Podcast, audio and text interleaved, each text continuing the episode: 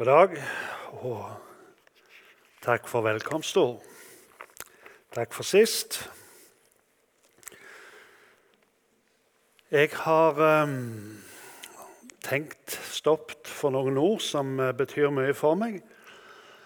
Femte Mosebok, det er fra kapittel 33. Og Der skal vi lese først det 26. vers. Før vi gjør det, så ber vi i sammen. Himmelske Far Frelser, vi takker deg for det som eh, du allerede har minnet oss om. Vi takker deg for ditt navn. Vi takker deg for alt som vi har i ditt navn, og vi takker deg for din kjærlighet. At du er kjærlighet. Nå er vi samla, og vi ber Jesus om det kunne lukkes, at ditt navn kunne bli stort. At du kunne tale til våre hjerter, gi oss noe som ble til nytte og gagn, og som framfor alt var til opphøyelse av ditt navn. Jeg ber om Din Hellige Ånd, ditt navn. Amen. Femte Mosebok 33. Vi leser vers 26, og vi leser i Jesu navn. Det er ingen som Gud, Jesu rund. Han farer frem over himmelen med hjelp for deg, og i sin høyhet rir han på skyene. Det er spesielt ei strofe som jeg har lyst til å understreke nå til å begynne med. og Det er det som Moses her sier. Det er ingen som Gud. Mange av de goder som jeg og du nyter som kulturfolk, kan ofte føres tilbake til ett bestemt menneske. Det var en utrøttelig og en begava oppfinner som en dag ga oss det elektriske lys. Han heter Thomas Edison. Mange vitenskapsmenn har brukt kanskje den lengste tid av sitt liv for å finne legemiddel mot en eller annen dødelig sykdom osv.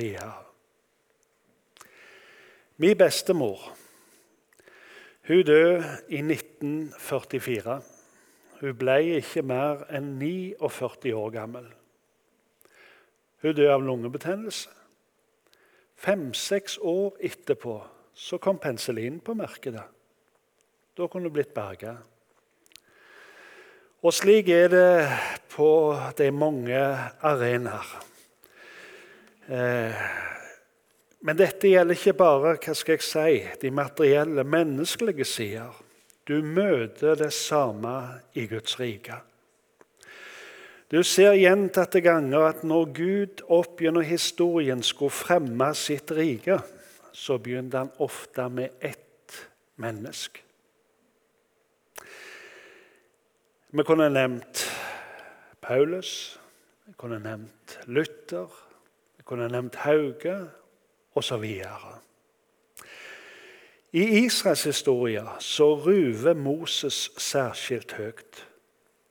Han står som grunnlegger av folket Israel. Han står som lovgiver, organisator og framfor alt som den store befrier. Og Han er så viktig at jødiske menigheter i Norge og rundt om i verden er oppkalt etter han og bærer navnet Det mosaiske trossamfunn. Da Gud skulle oppfylle sitt løfte til Israel og føre de ut av Egyptens land tilbake til Kanan, så begynte han med ett menneske. Han begynte med Moses. Han sendte ikke en hær, slik som gjerne jeg og du ville tenkt. Vi tenker så lett at skal vi få noe gjort i Guds rike, så kaller vi på storfolk osv. Kanskje en stortaler. Men Gud tenker ikke som vi tenker. Det møter vi gjennom hele Skriften. Vi møter det bl.a. i 1. Samuel, kapittel 16. Der leser vi om at Gud har forkasta Saul som konge. Vi leser om at han sender Samuel, profeten, til Betlehem for å salve en av Isais sønner til ny konge. Da Samuel kommer til Isai, til Betlehem, så er han spent, og han møter først Isais eldste sønn Eliab. Og Han ser på denne flotte, høyreiste mannen og så tenker han, her står Guds salvede. Men da taler Gud til Samuel, og han sier, se ikke på hans ytre. For Gud, sa han, han ser til hjertene. Han tenker ikke slik som jeg og du gjør. Når Gud ville utfri sitt folk fra fangenskap i Egypt, så sender han altså Moses. En mann som har levd i ørken i 40 år. En mann som en gang hadde flykta med halene mellom beina etter han hadde tatt livet av et annet menneske. Han eh, flykta til Midjans land, fant seg ei kone, Sippora, gifta seg. Og Der ser det ut som han har levd underkua av sin svigerfar i alle år. I tillegg så leser du om Moses at han hadde en talefeil. Men det var en slik en type svakhet Gud ville ha. Moddi, kjent pastor, han har sagt ingenting er smått når Gud tar seg av det. Noe av dette skriver Paulus om til menigheten i Korint. Han sier 'legg merke til dere kaldbrød'. Det var ikke mange vise, ikke mange forstandige, det var ikke mange høybårne av dere som ble kalt. Men det som ingenting var, det utvalgte Gud seg for å gjøre det som var noe, til skamme. Og vi ser det gjentatte ganger at Gud bruker den han vil, til det han vil. Og han tenker ikke slik som meg og du. Bare tenk når han valgte sine tolv disipler. Så gikk han ikke til makteliten i Jerusalem. Han gikk ikke til de lærde, til de vise, til de som kjente Skriftene. Men han gikk til noen tollere og fiskere oppi det hva skal jeg si, forakta Galilea. Og så gjorde han dem til menneskefiskere. Det er en som har skrevet litt om dette, og han skriver En svakhet kan være et hvilket som helst problem som gjør livet ditt vanskelig. Når du er i kontakt med det svakeste i deg sjøl, er du samtidig i kontakt med det beste og det fineste i deg sjøl. Og der er òg din mulighet til å komme i kontakt med det svakeste hos din neste, og dermed det beste hos din neste. For, skriver han, styrke skaper ofte avstand. Svakhet skaper nærhet. For svakhet skaper gjenkjennelse og fellesskap. Moses sitt liv eh, det kan eh, deles inn i tre 40-års bolker, ifølge Stefanus. Det leser du om i apostelgjerningene 7. Vi leser at han var 40 år i faraos slott, antagelig som en slags prins. Han var 40 år i Midians ørken som gjeter under sin svigerfar. Og han var 40 år på vandring i ørken, på vei til løfteslandet Kanan. De første 80 år av Moses liv får noen få knappe kapitler i Mosebøkene. Resten handler om de 40 siste. I teksten som vi leser i dag, er Moses blitt en gammel mann. Han er kommet fram til grenseland, til det lovede land, og han står framfor landet. Han har vært der før. 38 år så sto han framfor den samme grensa. Han var kommet fram. Han sendte speidere inn i landet. De utforska det. De kom glad oppmuntra tilbake og sa det er sant, landet flyter med melk og honning. Men blant de som var med og utforska landet, så var det òg noen som klarte å så mismot. Det står at de talte ille om landet. Og de vekte Guds vrede på en slik en måte at han svor dere skal aldri komme inn. Og så ble de gående i 38 år til. Tenker på det som vi hørte til åpning om å tale vel om hverandre. De gjorde ikke det der ved Kadis Bernea. De sådde mismot, og de vakte Guds vrede. Moses var kommet fram til grensa, og han var kommet fram til grensa i dobbel forstand. Han var kommet til grensa for det lovede land, og han var også kommet til grensa i sitt jordiske liv. Grenseland er tid, eller er stedet hvor tid og evighet møtes. Og Av og til så kan et menneske bevege seg der uten å gå over grensa. Men en dag så står vi der alle, og så må vi øve. Og det var den dagen som nå var kommet i Moses sitt liv. Før han skal gå over grensa, forlate sitt folk, så har han altså et personlig vitnesbyrd om sin Gud som han ønsker å dele med sitt folk. Og det finner du her i 5. Mosebok, kapittel 33. Han har òg forma noe av det som en salme, og det finner du i Salme 90. Disse steder så gir han oss et tilbakeblikk på det livet har gitt han. Og samtidig så er det en hilsen med på veien for de som nå skal gå videre. Han visste at han nå var ved veis ende. Israelsfolket skulle innta det lovede land. Han sjøl var nekta å komme inn.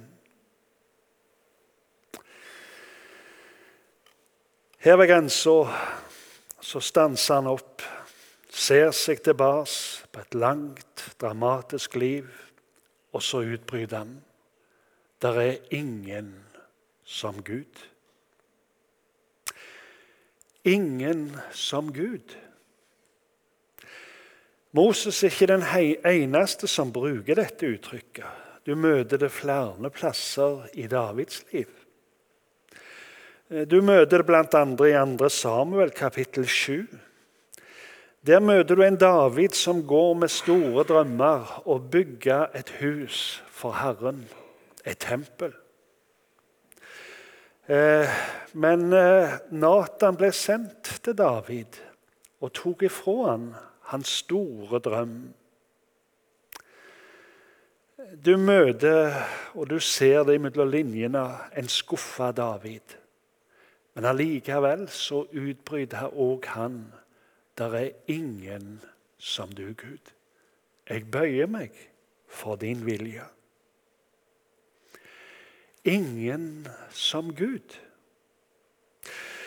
Nå har det opp gjennom historien vært nok av de som har opphøyd seg til Gud. Keisere, store ledere, popidoler, idrettsstjerner. De har stått fram, slått seg for sitt bryst og sagt 'Jeg er Gud, jeg er uovervinnelig. Noen av de fikk kanskje en liten stund på pidestallen. Så måtte de ned, og i dag er de glemt av de fleste.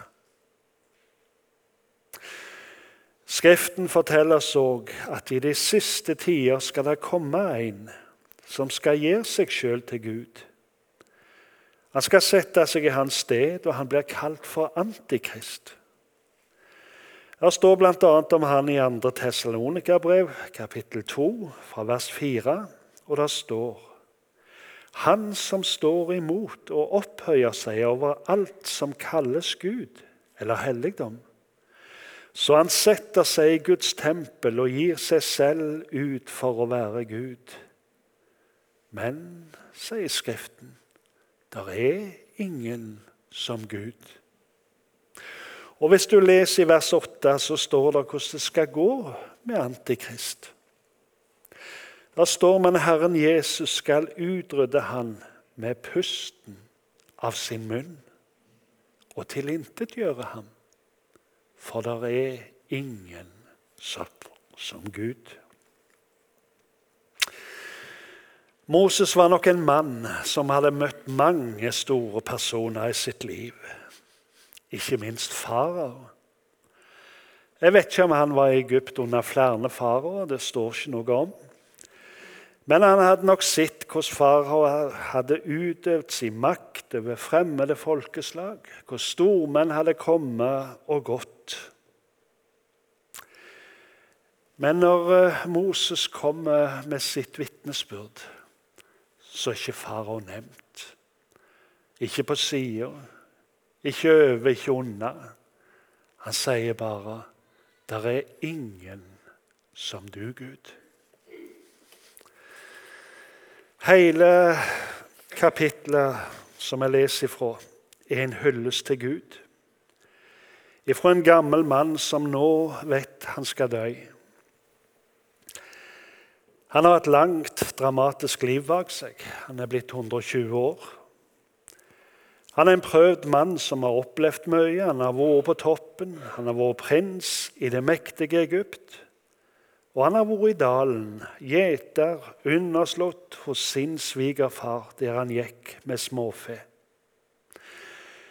Og ikke minst, han har vært folkefører og befrier. Og når han nå står her foran inngangen til det lovede land, så sier han altså der er ingen som Gud. Han farer frem over himmelen, og han kommer deg til hjelp. Han rir i skyene, eller på skyene i sin velde. Og det er de siste ord vi har ifra Moses. Det neste som jeg tenkte på Det er ingen bitter mann som står her foran inngangen til løftets land. Han er kommet fram til målet. Han står ved grensa, dette som har hatt så stor plass og betydning i hans liv. 40 års vandring i ørkenen er forbi, og han kan se inn i det lovede land. Så blir døra lukt. Hans store drøm er lagt i grus. Og slike stunder er det gjerne òg av og til i mitt og ditt liv. Det gikk ikke alltid slik som vi drømte om slik som vi håpte, ba og ønska om. Gud åpna gjerne andre dører, og han stengte noen for oss. Drømmer som aldri ble virkelighet. Men han vet hva han gjør, for det er ingen som Gud. Moses har fått klar beskjed fra Gud. Han skulle ikke sjøl få komme inn. Han har bønna, han har bedt, men Guds nei var endelig. Det kan du lese om i 5. Mosebok 3, vers 26. Der står Men Herren var vred på meg for deres skyld, og han hørte ikke på meg. Men han sa til meg, la det nu være nok. Tal ikke mer til meg om dette.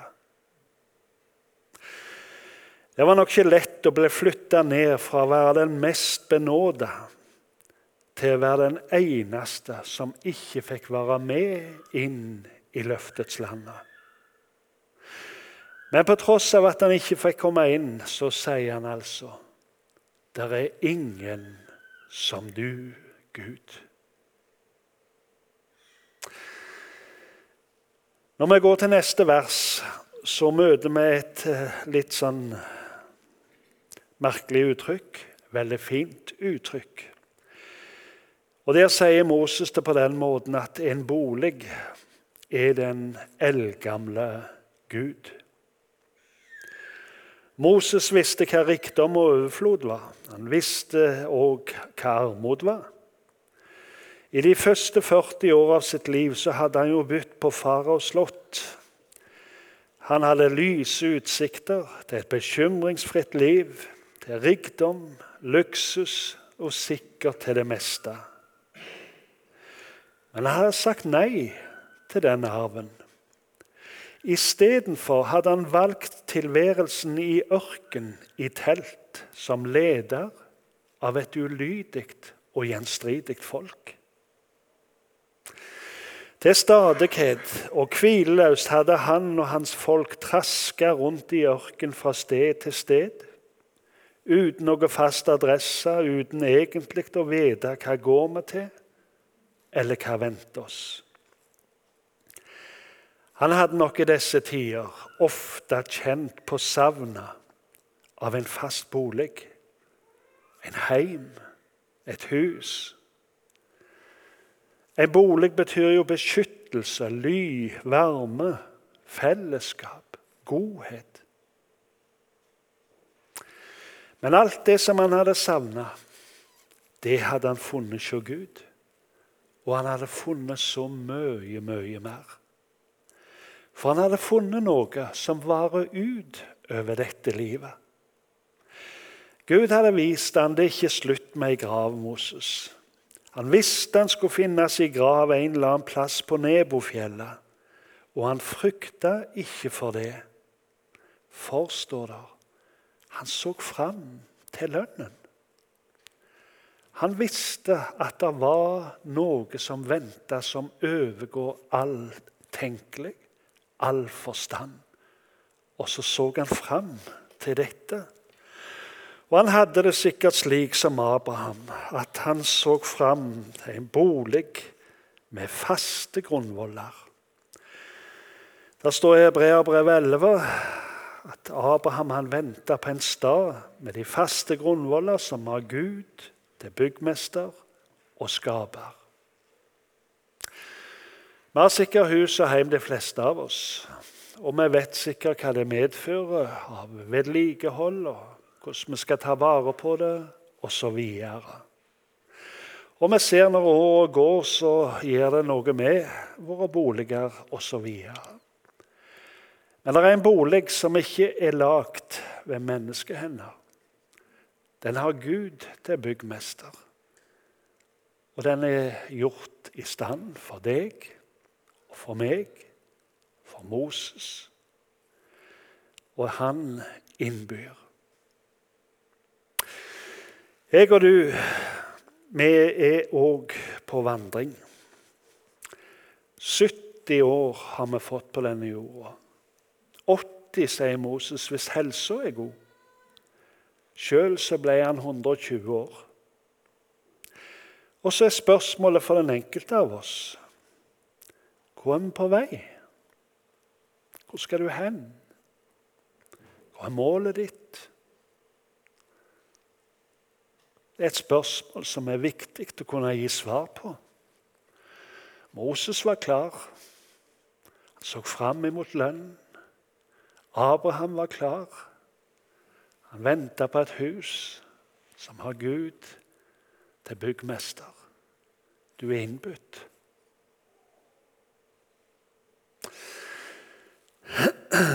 Det neste som vi vil nevne Det står i verset under at uh, en bolig er den evige Gud, og hit ned når Hans evige armer. Vi ble minnet om det ordet på bønnemøtet.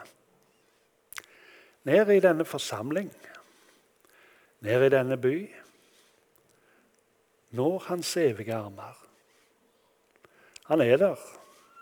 Han ser hva som skjer. Han er allsteds nærværende. At de er evige, betyr at de er, alltid har vært og alltid skal bli. De eldes ikke. De svekkes ikke med tida. Og vi merker det, både jeg og du, at vi har begrensninger. Ja, nå er jeg blitt 65, nei, 64 år. Jeg har skifta to knær, ei hoft. Ja, jeg ser jo det går nedover. Han eldes ikke, svekkes ikke. Han er den han har vært alltid, og alltid kommer til å bli. Moses hadde opplevd disse armene i sitt liv. Han hadde opplevd Guds nærhet. Det står om Moses at han var en mann som sto i Guds fortrulige råd. Til sine profeter så talte Gud i bilder, i syner, i drømmer osv. Men der står i 2. Mosebok 33, og Herren talte til Moses åsyn til åsyn som en mann taler med sin neste. Og Det står om Moses at han vandra som om han så den usynlige. Samtidig så tror jeg nok han hadde hverdager, han så vel som meg og du. Jeg tror ikke alle dager var like. Og kanskje var det en slik en dag at han befant seg på Horeb da han plutselig står framfor en brennende tornebusk. En busk som brenner og brenner, men ikke brenner opp. Og han skildrer det som et vakkert syn. Og han sier jeg vil gå nærmere og se dette vidunderlige syn. Da han nærmer seg, så får han beskjed Gud taler ut ifra en tornebusk. Moses, Kom ikke nærmere. For det sted som du står på, er hellig jord. Vi får ikke vite så mye av denne hendelsen. En opplevelse som har gjort et veldig inntrykk på Moses. Det har fulgt han resten av livet. Det leser vi i 5. Mosebok kapittel 33. For der ber Moses om velsignelse for de tolv stammene. Og når han kommer til Josef, så ber han om nåde over Josef ifra han som bodde i tårnebusken. Jeg har ikke glemt det. Det har fulgt han. Og der i Midians ørken, ved denne tårnebusk, så får han sitt kall som han syns er umulig. Han blir bedt av Gud om å føre israelsfolket ut av trellehuset. Og så sier han, 'Hvem er jeg?' En liten husmann i tjeneste hos min svigerfar. Oppdraget så uoverkommelig ut. Innvendingene var mange. Jeg er ingen ordets mann, og det er ingen som vil høre på meg. Men allikevel så gikk han inn i tjenesten og fikk oppleve Han som farer frem over himmelen med hjelp til deg. Moses var mannen som Gud ville bruke til å føre sitt folk ut av Egypt. De kom der som gjester, de enda opp som treller. De ble varende i 400 år. Et folk som hadde Guds løfter om et land som Gud ville gi dem. Løfter som etter mange år i trelldom i Egypt var langt utenfor rekkevidde. Bare en drøm. Men Guds armer når hit ned, og han griper inn. Og det gjør han ved å sende Moses. Og til det så trang Moses en spesiell utrustning. En utrustning som han ikke kunne få i sitt fars heim. Og derfor sendte Gud han like inn på faraos slott. Jeg syns det er fantastisk å se. Når Gud skal fri sitt folk fra trellekåret i Egypt, så plasserer han redningsmannen like inn i løvens håle, på slottet. Det var ikke på slump at det lå en liten gutt og gråt i ei korg på Nilen. Det var Guds plan fra begynnelse til slutt. Han visste hva han gjorde. Og så suveren er Gud at når han vil, kan han bruke sin argeste motstander til å fremme sine planer. Dette var ikke eneste gang. Vi kunne nevnt det ene etter det andre bare i Moses sitt liv. Du kan tenke på de ti landeplager. Du kan tenke på utfrielsen, Det røde hav osv. Jeg skal ikke gå inn på det. Gud er den samme i dag. Han sier sitt ord.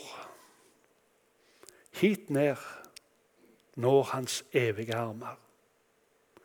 Så sitter du og tenker Det var den gang, det. Det er ikke i dag. Gud er den samme. Han er evig. Jeg hører de som sier på den måten at det som skjedde, mirakler og forskjellige ting i Det gamle testamentet, det var da, det. Gud er den samme.